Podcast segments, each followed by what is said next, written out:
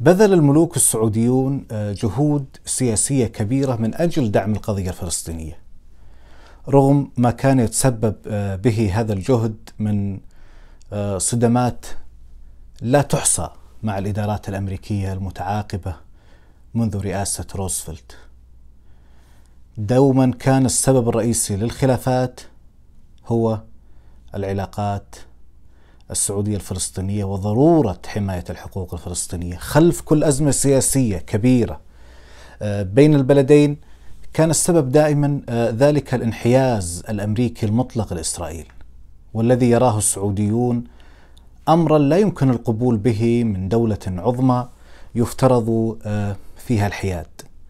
كان الصدام مستمر ووجد كثيرون في القضية الفلسطينية. المنفذ آه الذي يستطيعون من خلاله الإضرار بالوجود الدولي للمملكة على أكثر من صعيد وعلى الساحة العالمية تحديدا واستغلال هذا الأمر بتأزيم آه لتأزيم علاقاتها مع مع دول الغرب. كانوا يرون في القضية الفلسطينية التي تعتبر أساس السياسة الخارجية السعودية المنفذ الوحيد الذي من خلاله يمكن إضرار علاقاتها بالدول الكبرى. وأي باحث في العلاقات الدولية يرى أنه لو نزعنا ملف القضية الفلسطينية من من العلاقات السعودية الأمريكية لوجدنا أنه ملف يعني كل مواقف البلدين متطابقة في كافة القضايا.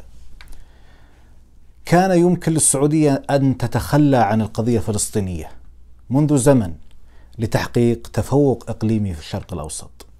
وهي لا تحتاجه ولوجدت دعما دوليا كبيرا في كافة القضايا التي آه، تهمها. لكن هذا ليس بالأمر السهل للدولة الكبرى في المنطقة والعالم الإسلامي.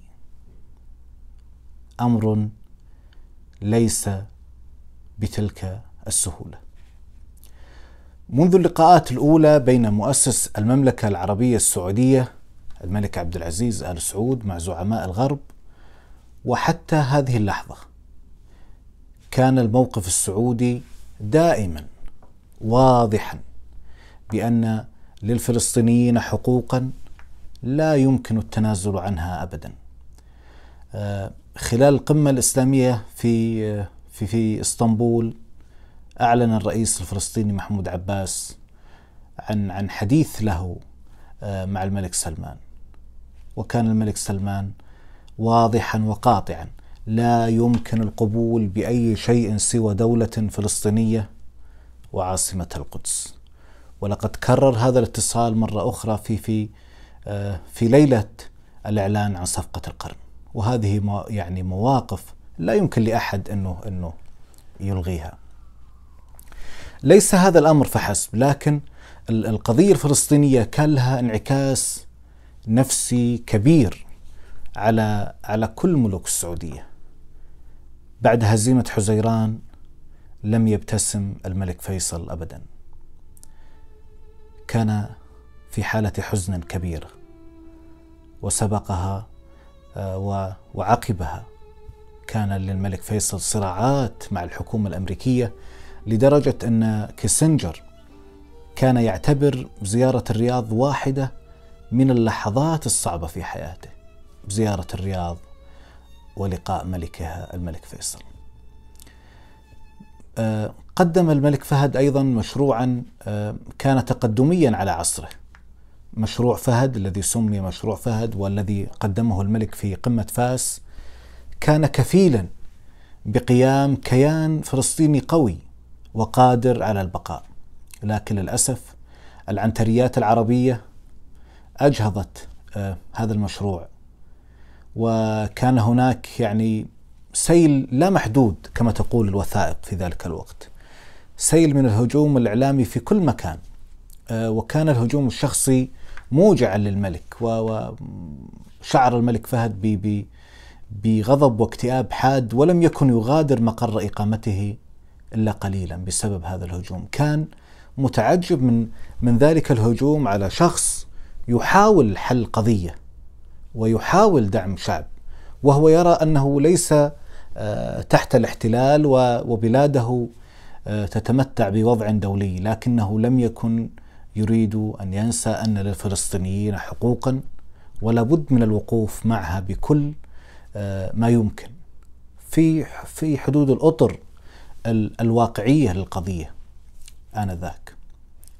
حين كان الملك عبد الله وليا للعهد قرر أيضا أن تكون هنالك مبادرة آه، جديدة لدعم عملية السلام في المنطقة.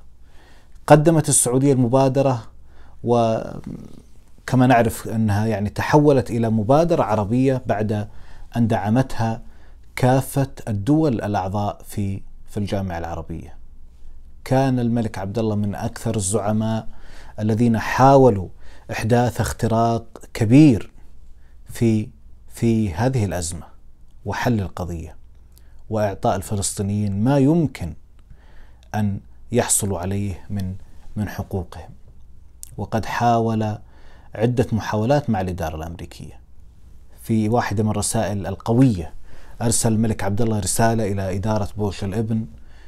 كان معناها ومبناها إما حل القضية الفلسطينية أو قطع العلاقات بين البلدين.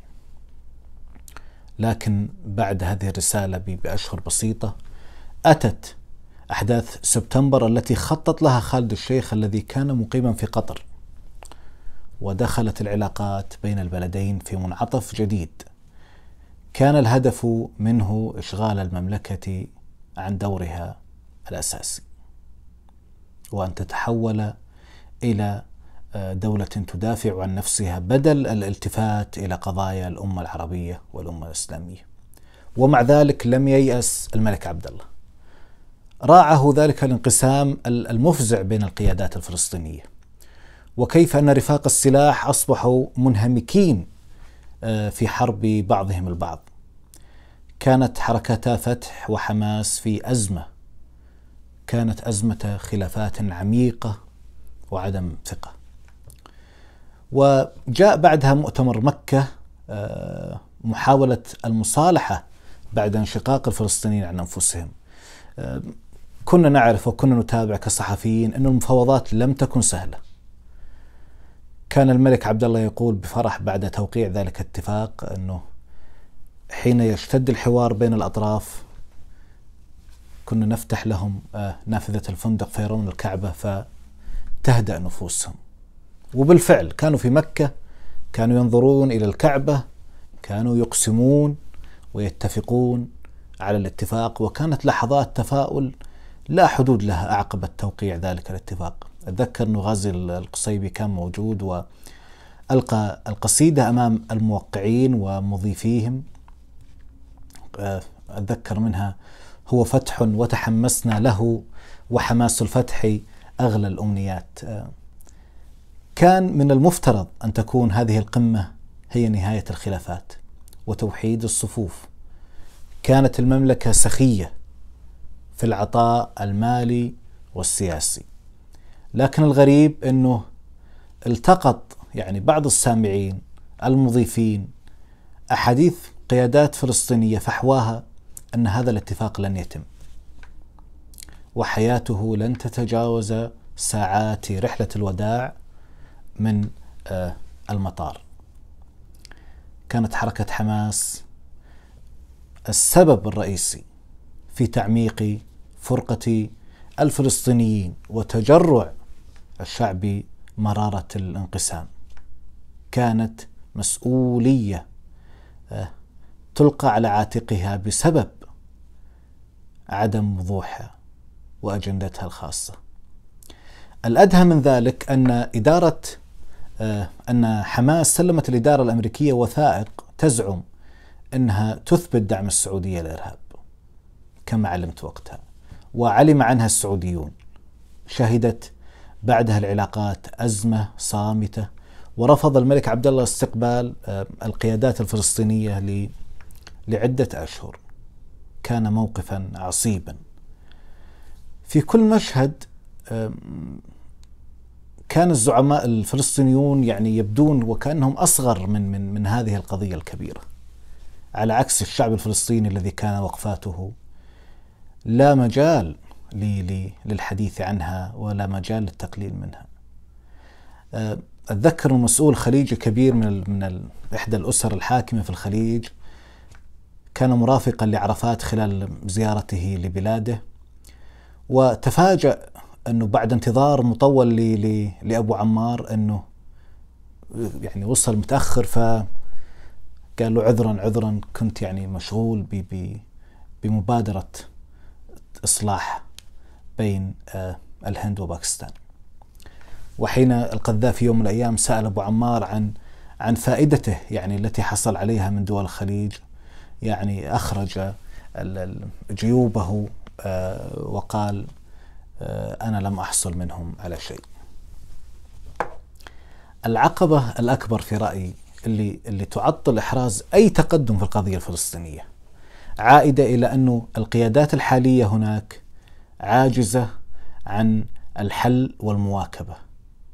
وفي رأيي أنه حان الوقت لإعطاء فرصة أكبر لجيل جديد من الفلسطينيين لديه يعني أفكاره الخاصة ورؤيته للحل والمنطقة والعالم ولديه المصداقية أنا أعتقد أنه هذا هو الحل الممكن رغم أني يعني أعرف أن هنالك كثيرون لا يريدون لهذه القضية أن تحل لأن ذلك يلغي وجودهم آه، الأساسي ولعلهم سوف يماطلون قدر الإمكان كي لا يحدث أي تقدم في في هذا الملف. السعودية دولة كبرى في الإقليم ولا تستطيع أن تغمض عينيها بهدوء وتترك المنطقة لمقاديرها. يخطئ القادة الذين يعتقدون آه، أنهم يستطيعون طلب يعني الأدوار من التاريخ. العكس التاريخ هو من يطلب آه، منك دورا وفعلا وأراه يطلب من المملكة ذلك الأمر لا الزعماء الفلسطينيين فهم مشغولون دائما في قتال أنفسهم وأثبتوا دائما أن هذه القضية أكبر منهم جدا.